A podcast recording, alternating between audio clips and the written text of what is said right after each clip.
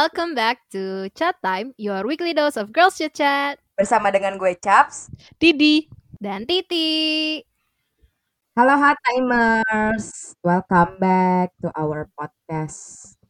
Jadi uh, ini udah episode ke 9 Iya gak sih Ti? Di? Iya. Tuh Ngomong-ngomongin uh, episode 9 Kayaknya asik gak sih kalau misalkan kita ngomong tentang gimana caranya menyesuaikan diri di lingkungan baru gitu, terutama di domisili yang baru gitu. Mungkin dari teman-teman pendengar atau listeners ini ada yang sedang pindahan atau sedang menyesuaikan diri dari hidup yang baru? Atau kalian berdua ada yang mengalami hal yang sama? Eh tapi tunggu deh bentar gue pengen ngasih disclaimer dulu nih penting gak sih gue pengen nanya dulu nih sebenarnya sebenarnya penting gak sih uh, orang itu menyesuaikan diri ke kehidupannya gitu menurut lo berdua menurut gue sih penting ya karena uh, apa ya kan pasti kalau kita pindah domisili itu uh, budayanya bisa beda kebiasaannya Mm. bisa beda terus kalau Mm. kita misalnya nggak menyesuaikan diri dengan kondisi yang ada pertama kita juga bakal ngerasa kayak uh, apa ya culture shock gitulah. Kita nggak bisa menyesuaikan diri. Ntar kitanya juga yang kayak mungkin stres apa gimana. Terus juga kalau kita nggak menyesuaikan diri dengan tempat kita pindah itu bisa jadi orang di tempat kita itu tuh mungkin nggak bisa nerima kebiasaan kita gitu. Jadi sebenarnya menyesuaikan diri itu juga uh, selain buat psikologisnya kita juga tapi biar uh, biar sama-sama enak gitu loh sama orang di tempat barunya itu. Iya iya iya. menurut gue sih gitu. Kalau lo gimana Ti? penting gak tuh Menurut gue sih ya penting dan itu kayak harus apa ya kayaknya tuh secara natural aja sih orang pasti akan menyesuaikan mencoba apa- paling enggak ya mencoba untuk menyesuaikan diri karena Mm-mm. ya itu misalkan lo kayak the the the odd one out pasti kan kayak ah, gimana nih caranya gue bisa blend in gimana caranya gue bisa menyesu apa eh, sama dengan sekitar gue gitu. Mm-mm. pasti secara otomatis sih kecuali emang mungkin lo orangnya yang batu banget terus kayak ah terserah gue lah gimana gitu. Tapi eh, pasti pasti adalah sedikit dari kita eh, sebagai manusia gitu ya Mm-mm. secara otomatis ingin menyesuaikan diri gitu setidaknya agar kita nyaman dengan lingkungan Tapi bisa itu efek eh, efek maksudnya menyesuaikan diri sebenarnya bisa otomatis muncul gak sih kalau misalnya kita pindah atau gimana? Eh tapi sama menurut gue gue tuh kalau misalnya habis pindah ke suatu tempat gitu kayak gue otomatis oh berusaha buat belajar lingkungan sekitar terus Mm. menyesuaikan diri gitu. Ini ya sebelum dikasih tahu tipsnya gimana cara menyesuaikan diri sebenarnya tuh ya penyesuaian diri tuh sebagai upaya individu buat mencapai kesejahter- kesejahteraan jiwanya gitu loh Mhm. paham kan nah dari yang Mm-mm. penjelasan lo yang kasih tahu tadi itu tuh berarti cara gimana lo semua bisa mencapai titik kesejahteraan jiwa lo gitu di suatu tempat Yes, betul sekali.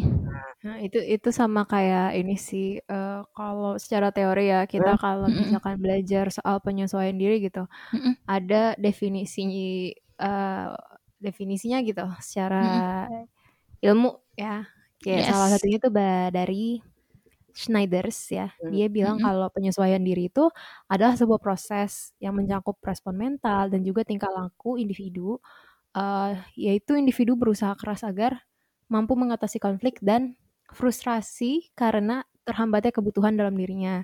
Sehingga eh, yaitu tercapai keselarasan dan keharmonisan antara diri sendiri dengan lingkungannya. Jadi kayak ya tadi eh, biar sesuai dengan lingkungannya terus dia ngerasa nyaman gimana gitu kan terus juga dia get along with other people juga kayak Mm-mm. maksudnya biar sesuai aja gitu karena mungkin kan secara komunikasi berbeda atau Hmm. cara jokesnya juga kan beda gitu nah itu kan salah Yes. satu uh, proses penyesuaian diri gitu Mm-mm.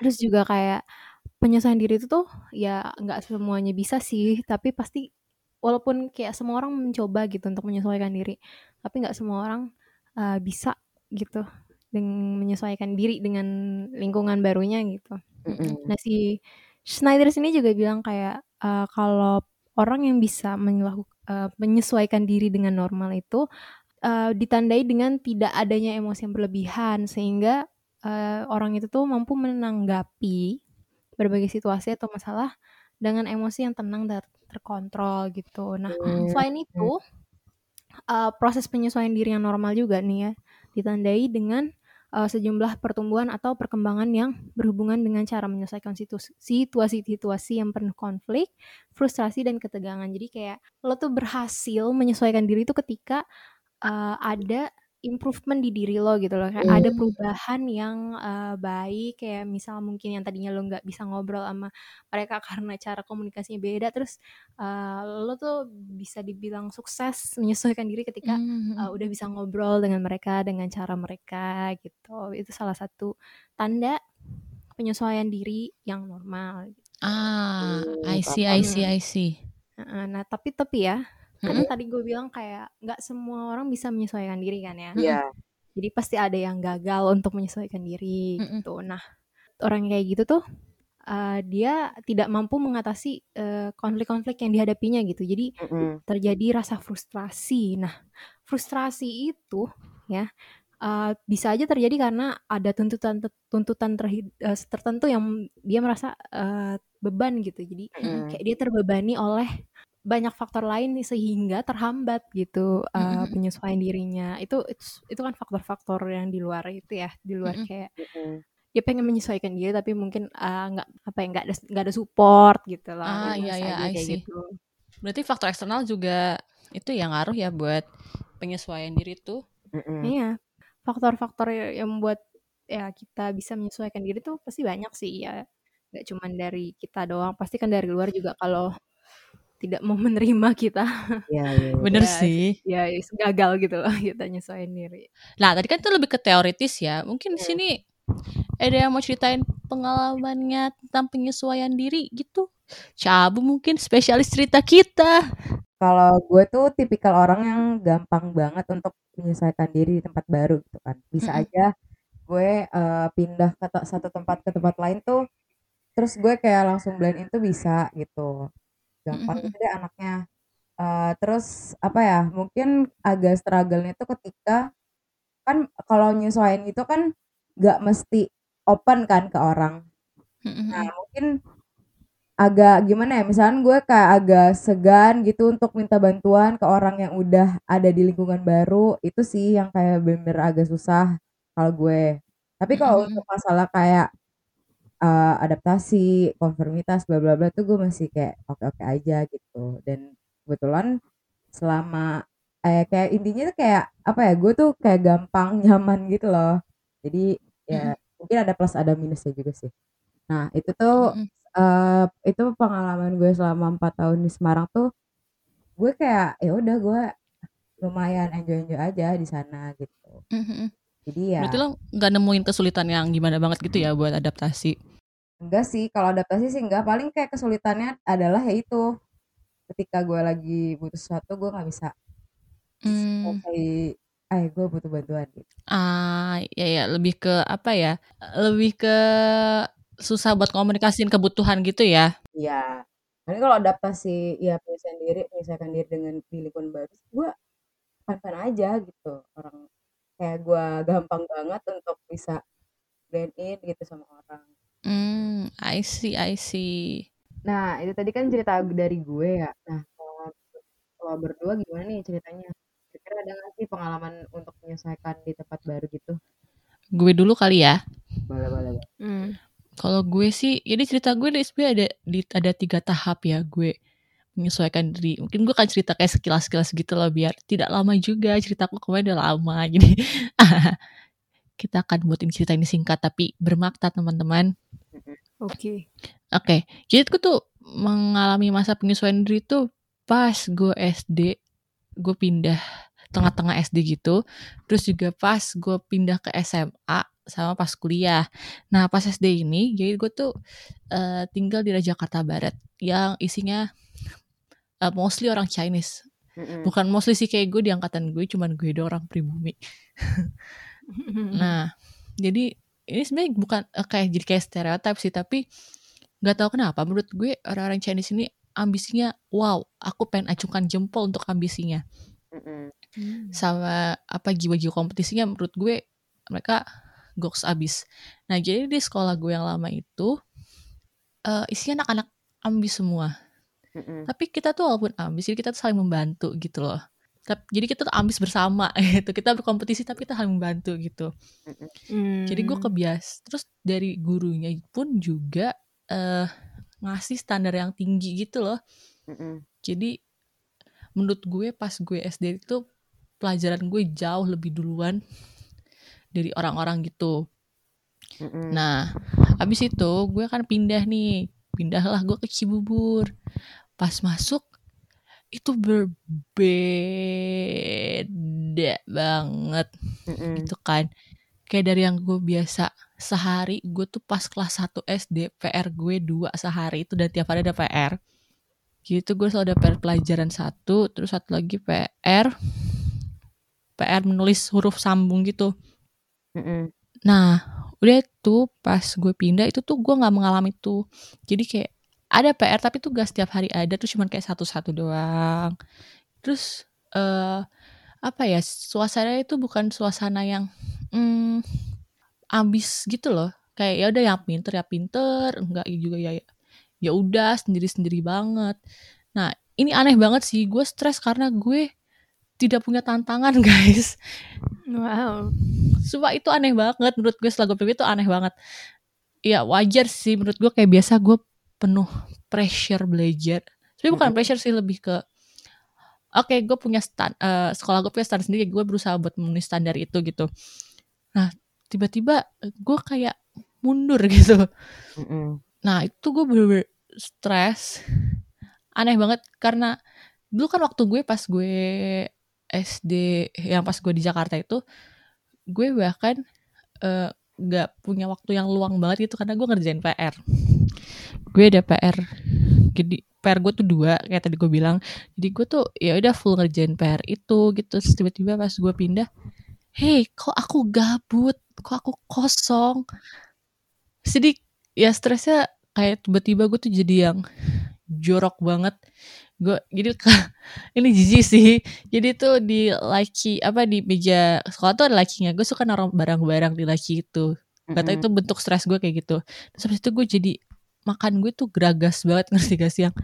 Anjir gue nggak pernah kenyang. Jadi pas gue pindah tuh badan gue bergede banget. Nggak tau gue kayaknya gue close sama selalu yang makan berlebihan gitu deh. Mm-mm. itu terus habis itu juga gue sama penyesuaian ke teman sih susah karena eh, gue di gak tau kenapa kalau sama lagi-lagi ini maaf banget bukan stereotip tapi itu yang gue alamin kayak gini ya Mm-mm. jadi kalau sama temen gue yang orang-orang Chinese ini kita tuh emang kalau ngomong tuh apa ya to the point gitu loh nggak pakai bahasa basi Mm-mm. jadi gue pun kebiasa ngomong buat to the point nggak nggak yang banyak eh, banyak kincong bahasa basi gitu loh nah terus gue tuh jadi dijudge sama teman-teman di sekolah baru gue gue songong. Jadi kadang gue ngomong to the point kayak gue ngomong tuh singkat-singkat gitu loh. Aku dijudge songong sama mereka. Dan itu bikin gue stres banget kayak gue merasa aduh anjir gue nggak punya temen. Gue susah gue nggak bisa berteman di sini gitu. Mm-mm. tuh tuh yang pas SD eh, tapi lama gue bisa beradaptasi sih. Tapi ya ya emang susah banget terus kayak adaptasi gue berlebihan terus gue jadi kayak agak males gitu. Tiba-tiba jiwa ambis gue mulai hilang total abis itu. Terus abis itu gue pas SMA kan gue itu pertama kali gue ke sekolah negeri. Gue biasanya itu gue pokoknya dari TK sampai SD itu gue eh sampai SMP itu gue di swasta. Yang adalah kalau di swasta itu kita dicekokin kalau belajar. Terus juga kita punya aturan yang strict banget. Kayak gue pas SMP tuh ada poin-poin gitu kan. Ya pokoknya diatur dia segala macamnya. Kayak pakai sepatu harus sama kos kaki pun pakai kos kaki dari sekolah. Terus sekolah Terus juga- era gimana? kesian ya. Ya oke. Eh, lo selalu tahu gue pas SMP gue pakai sepatu samaan dari sekolah coy. Terus gue kebiasa abis itu di swasta swasta yang beragama lagi gitu kan jadi kebiasa gue kalau pagi baca kitab bareng-bareng gitu-gitu kan. Terus oh ya sama kantin dan toilet bersih total gitu kan kalau pas gue SD SMP eh, TK sampai SMP tuh. Nah pas SMA gue pindah ke negeri gue yang pertama gue shockin adalah guru-guru don't care sama kita. Lo mau tidur mau ngapain tidak ada yang peduli. Nyontek pun kayak kurang peduli gitu loh. Sedangkan gue kalau gue tuh gemes sendiri kayak ih kok gak ada yang negur sih? Kayak ih kok gak ada yang negur? Terus kayak tidur tidur aja. Terus kalau gue tuh pas SMP kayak zaman sekolah uh, zaman sekolah iya kan SMP lagi sekolah kocak. Nah pokoknya pas SMP itu gue tuh kalau udah bel kita udah ready di kelas. Terus kita kalau lagi jeda kelas pun kita jarang keluar keluar kelas kayak ya udah main di kelas sendiri aja. Karena pasti diomelin kalau keluar keluar kelas gitu kan eh bener ya hmm. gue pikir sekolah militer bener cap. Gue pernah keluar kelas kalau lagi jeda kelas. Nah abis itu gue pas SMA ngeliat orang pada eh, jeda kelas keluyuran bisa ke kantin. Lagi-lagi gue stres gue yang hidup dalam keteraturan. Tiba-tiba lost total. Efeknya adalah gue pun jadi ikutan lost pas SMA itu ada lagi-lagi gue tuh kalau ada sih agak ada agak berlebihan ya teman-teman tapi emang gue awalnya stres banget kayak gue sempat berjanji sama diri gue gue nggak mau jajan dan gak, gue gue nggak mau ke toilet selama gue sekolah karena gue gigi eh sorry banget kalau ada anak sekolah gue yang denger tapi gak tau gue sekolah gigi banget sama toilet sekolah gue itu kayak problem dulu. ini gak sih sekolah negeri Iya, gue tuh nggak tahu ya. Kalo, tapi kalau di gue sih ya agak sih. Maksudnya ya kebersihannya sih ya bersih, tapi nggak bersih banget gitu loh. Nah, iya. Mungkin kesannya nggak bersih uh, kali karena gue uh, kayak apa ya agak gelap mm -mm. atau gimana gitu. Lagi gue born and raised di sekolah swasta yang gedungnya wow, kayak gue yeah, cerita yeah. ke sama gue, gue sekolah di situ kayak wah, kalau kepikiran buat sekolah di sini sih gitu loh. yeah. Terus kayak gue bener-bener susah adaptasi kalau pergaulan kayak uh, ya udah biasa aja sih gue lebih ke kondisi sekolahnya kali ya. Mm -mm. gue berusaha beradaptasi buat sekolah gak pakai AC sedih banget. Gak pakai AC coy. Habis itu gue toilet gue tuh gak bisa jongkok kan. Gue tuh gak bisa jongkok. Terus sebenernya gue harus toilet jongkok. Gue berusaha buat beradaptasi sama toilet jongkok itu susah banget. Terus sama buat kanin sama oh gue lebih ke shock sama ngeliat keteraturannya aja sih gitu. Hmm. tapi ya udah gue berusaha menerima ayah kan beda gitu. Ya, kayak yang terakhir tuh pas SM, eh, SMA pas kuliah gue ini lebih ke shocknya sih kalau kuliah lebih shock karena hidup sendiri sih kalau dari segi budaya kayak gue biasa aja kayak mm -hmm. toh juga gue dikelilingi sama orang dari Jabodetabek juga yang iya. caranya maksudnya cara hidupnya tuh mirip-mirip gitu loh gue lebih ke shock hidup sendiri karena biasa gue di sini lapar tinggal bilang mih lapar gitu kan mm. terus juga mm. kalau uh, apa ya bersihin kamar. Dulu gue ada mbak yang datang apa datang harian gitu loh. Jadi ya udah gue tinggalin sekolah juga ntar pulang-pulang kamar gue rapi gitu. Terus gue kan gue kalau di rumah tuh sering diingetin e, belajar belajar ngerjain tugas gitu gitu ini tuh nggak ada. Terus gue gue tuh aneh ya orang tuh hidup bebas tuh seneng. Gue tuh malah kangen ada tekanan gitu loh. Nggak tahu ini agak aneh sih menurut gue. Terus ya efeknya lagi-lagi pas gue stres itu ya gue makan gue wow seperti yang kalian badanku pas kuliah gigaan. Nah ya tapi hmm. gue tuh baru bisa benar-benar adaptasi total tuh udah pas udah tahun ketiga. Lama banget sih menurut gue adaptasinya. Wow masa? Iya. Nggak nggak, nggak kerasa tapi kayak gue baru berasa yang ngerasa yang apa ya baru nyaman hidup sendiri gitu tuh pas saya tahun ketiga. Ih, pas ke gedung baru ya. Oh, jadi gitu. Lagi-lagi sorry banget toilet juga bikin gue susah beradaptasi sama kampus. Maaf banget. Gue tuh susah beradaptasi sama toilet. Ya, di toilet kampus baru gue bisa pup tiap pagi tuh. Sama, sama. tiap pagi juga sih, maksudnya kayak kalau gue pengen gue pup aja gitu. Kayak wow. gue gue bisa rela berangkat pagi. Maksudnya gue bisa rela nahan pupu di gedung baru biar oh ya nggak apa-apa gue pup di uh, gedung baru juga nggak apa-apa. Sedangkan kalau di gedung lama gue akan berusaha pupu dulu di, di kamar biar gue nggak pupu di kampus gitu loh. Oke. Okay. Eh sama itu sebenarnya gue uh, kayak baru berasa oh nyaman ya hidup sendiri tuh baru pas tahun ketiga. Kan lo seperti yang kalian tahu gue pas tahun kedua itu gue bisa sebulan sekali pulang dua bulan sekali pulang. Tahun ketiga gue mulai kayak oh aku enjoy. Sebenarnya bukan lebih ke uh, selain ke enjoy lebih ke karena sibuk ya jadi nggak bisa pulang tapi gue udah boleh bisa menikmati mungkin karena lagi-lagi gue tuh suka suka kesibukan kali ya makanya pas lowong tuh gue ah pusing gitu loh oke itu cerita dari gue kalau gimana ti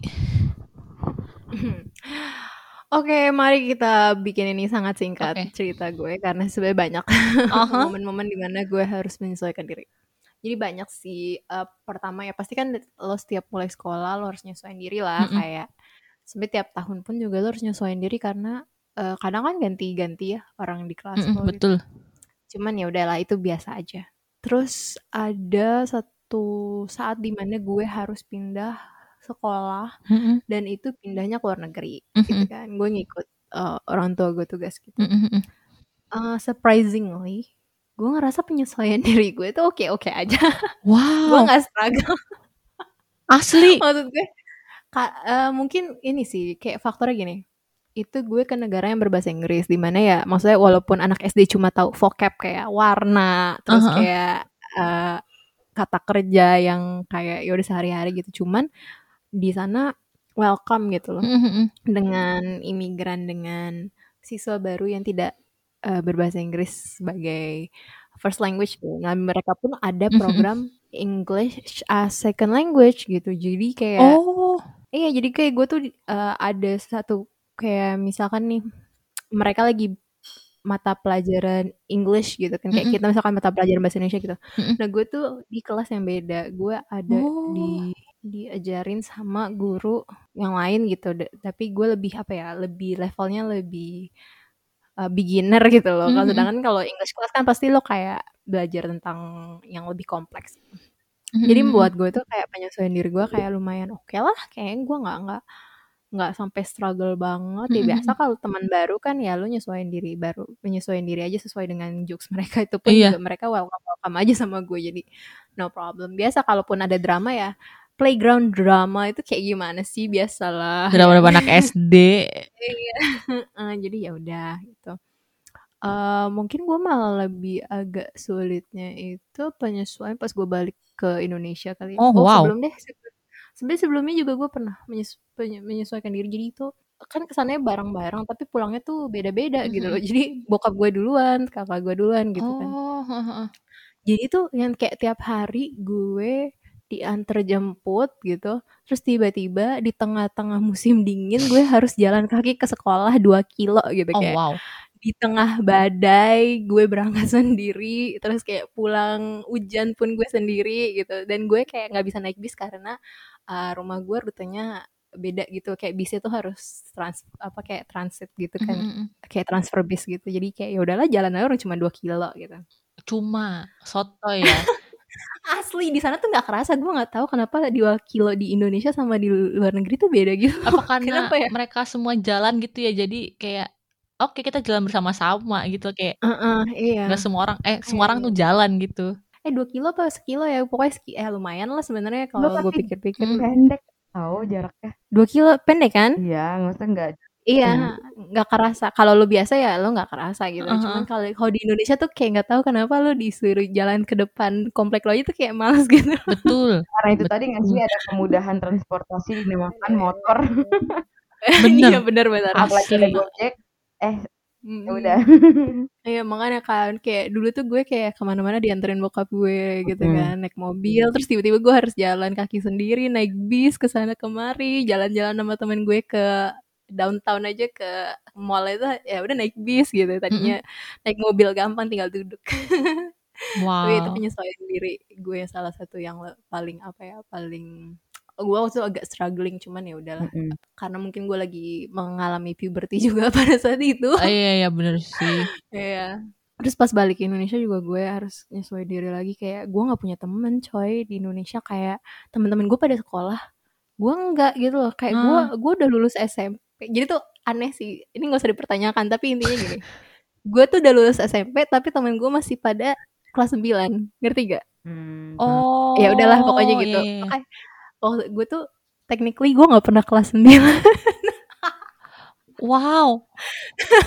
jadi gue tuh temen gue tuh teman-teman bimbel tapi gue tetap bimbel kan intinya gue udah punya Mhm. ijazah SMP tapi gue tetap bimbel karena gue harus nungguin karena gue tuh pulangnya aneh banget deh waktunya tuh nggak nggak enak banget di tengah-tengah semester gitu loh. Jadi nggak ada yang mau nerima gue. Saya so sad. Tahun cuman bimbel dong dong. Iya gue setahun bimbel doang. Gila temen gue pada kayak nangis-nangis belajar UN gue tuh kayak oh ya udah gue belajar aja. Gue nggak usah mikirin. Karena gue nggak bisa ngambil UN karena gue udah punya ijazah uh, luar ya? ijazah SMP gitu kan. Heeh. Mm-mm. jadi ya udah uh, gue bimbel deh. Itu pun kayak temen gue kan mereka sekolah ya. Lah gue kagak kagak kagak sekolah. Gue kalau pagi-pagi siang-siang ya udah ngapain kayak gitu. Astaga. Jelas kegiatan gue. Jadi kayak itu bener-bener kayak lonely banget kayak nggak punya temen bener-bener deh. Itu hampir setahun tapi intinya gue menyesuaikan diri lah gitu. Dan pas masuk SMA gue juga kayak ya udah gue nggak terlalu struggle sih gue udah udah biasa kayak Hmm. berinteraksi dengan teman-teman di sini walaupun kayak ya ada drama-dramanya dikit gitu. Cuman uh, I'm fine gitu. Namanya juga anak sekolah nggak ada drama nggak asik Iya. guys. Iya makanya. Oh, terus lagi-lagi tragis lagi nih gue.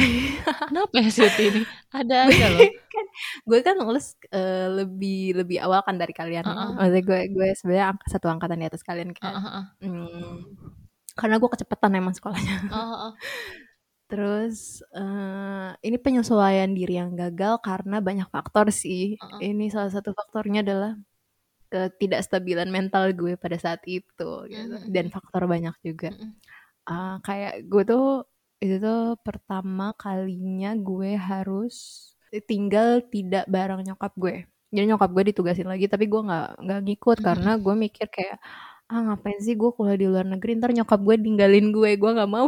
Ah, heeh, heeh. jadi gue mending di Indonesia aja dah. Tapi gue see, dulu gue mending keluar. masalahnya tuh banyak banget pertimbangannya waktu itu nih ya. Kalau gue keluar itu ke negara yang nggak bukan bahasa Inggris. Jadi Oh, gue harus ngambil kelas bahasa mereka minimal satu semester. Itu minimal. Jadi wow. kayak gue harus nungguin juga gitu loh.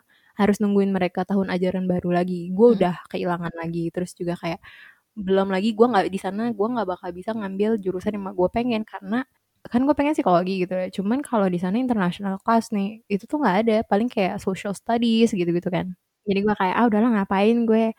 Gitu kan. Gue udah keterima juga di di kampus di Ja- di Jabodetabek gitu. Jadi ya Ah, ah. gitu. Gue udah senang senang terus tapi karena beberapa faktor ke- kayak ya gitu deh gue mengalami hal-hal. Akhirnya gue gagal menyesuaikan diri guys. Dan akhirnya gue gue keluar dari kampus gue gitu. Da- itu salah satu contoh eh, penyesuaian diri yang tidak baik. I see.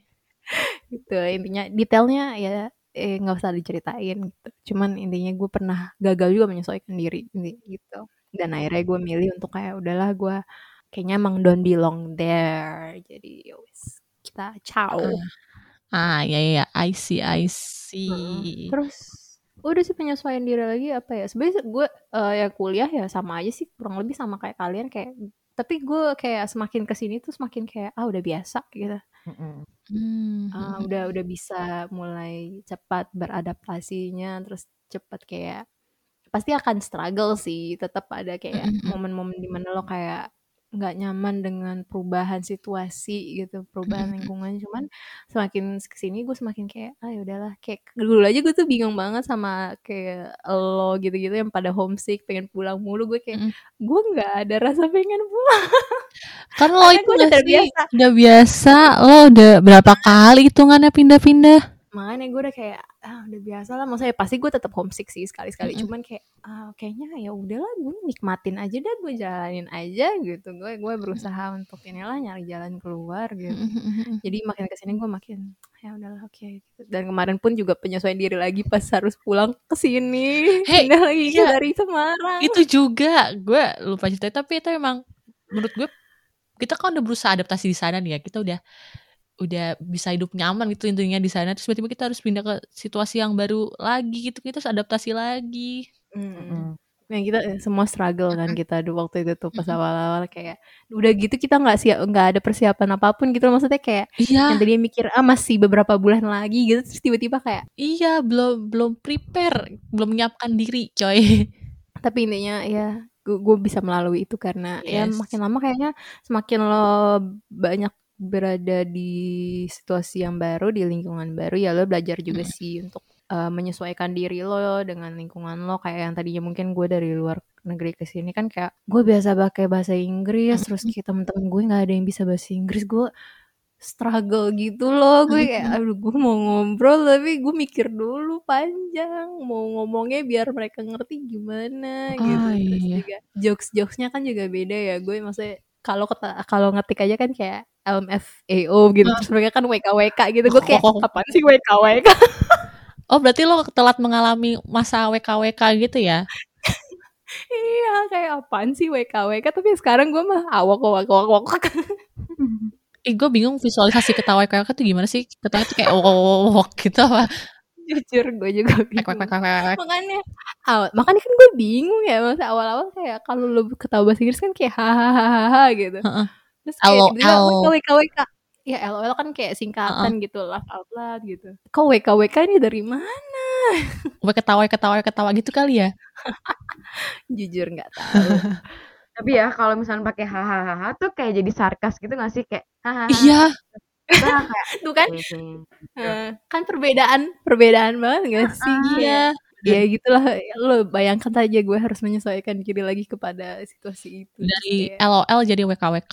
Tapi sekedar kayak ketawa tipe ketawa aja tuh jadi bener-bener be- perbedaan gitu loh. Kadang tuh kayak eh ini hahaha doang tuh sarkas apa gimana sih gitu. Padahal kalau kita pakai haha di luar tuh kayak oh normal gitu kan. Iya kan. Terus ini tahu gak sih, ini gue recent banget sih. Gue tiba-tiba kepikiran kayak penyesuaian diri gue. eh ini kalau di Semarang kan kayak lo nge GoFood banyak pilihan ya, Iya. yang kayak yang murah, terus kayak yang Heeh. eh, reachable lah gitu, nggak jauh, Yes. murah gitu. Nyampe Jakarta kemarin gue buka GoFood kayak, aduh beli apa gue, Asli. mahal-mahal Betul. yang enak Betul. jauh-jauh gue kayak aduh gue masih menyesuaikan diri nih Dulu kita mak- makan Yoshinoya bisa seminggu sekali kan dulu. Eh enggak seminggu sekali. enggak anjir loh Lebay, lebay. lebay Pokoknya paling nggak sebulan sekali makan Yoshinoya. Kita gue di sini tuh nggak pernah karena jauh banget kayak mau GoFood. Hei, kok harga ongkirnya sama kayak harga makananku? iya kan aduh Kalau gue tuh kebalikan lu pada. Jadi tuh di sini kan banyak ya. Gue kan aksesnya kan oke gitu kan rumah gue. Heeh. Hmm, Nah, iya. Di situ banyak, tapi gue tuh nggak pernah GoFood. Paham gak sih? Karena bingung, karena bingung gue mau GoFood apa gitu. Oh, lu Saking karena banyak banyaknya. makan ya? Mm-mm, karena banyak pilihan itu gue bingung kan. Oke, gue nggak jadi lagi. Ujung-ujungnya kayak wow ya udah masak aja sendiri atau kayak apa gitu misalnya gue lagi pengen apa eh ya udah deh gue jalan aja gitu atau kayak ya udah gue ke tempat itu aja gitu loh nggak yang kayak aduh bingung gua. pas kayak udah scroll scroll GoFood tuh gue tipikal yang kayak bingungan gue makan apa ya bingung udah nggak jadi Mhm. ujungnya kayak ya udah balik lagi ke poin pertama masak atau enggak jalan gitu ke tempatnya Hmm. gitu Oh, ini perbedaannya ya. Gue sama Uti karena rumahnya pelosok, jadi kita bingung. Bingung mesen karena sedikit pilihan. Kalau lu karena Iya. banyak pilihan ya. Jadi bingung gitu sebenarnya bukan si bukan dikit pilihannya Jauh. cuman yang gue pengenin tuh jauh gitu Betul. Nah, Jadi kalau gue tuh semuanya ada tapi gue bingung. Ya sudah lah memang sama-sama struggle menyesuaikan diri ke Jakarta lagi ya Ya kayak ini tahu maksudnya kalau misalkan ada di depan mata lu tuh lu juga kayak nggak akan peduli gitu loh.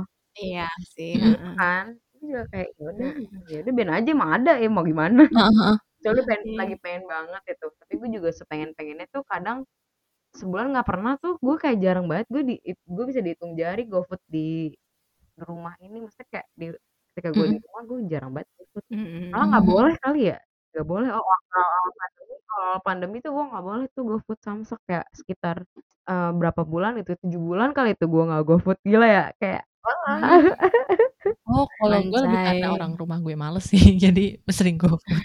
Tapi GoFood tuh juga makanan rumahan gitu kan. Sedangkan kadang yang gue pengen tuh Mm-mm. Biasa apa kayak fast food gitu-gitu kan. Mm-mm. Itu asal kalian tahu ya, gue pernah mau beli pizza nih, gue lagi pengen banget pizza. Gue kayak, oh ya udah gue mau beli. Itu harga pizza sama ongkir, harganya mahalan ongkirnya coy. Padahal cuma di kompleks seberang doang. Lo gila ya?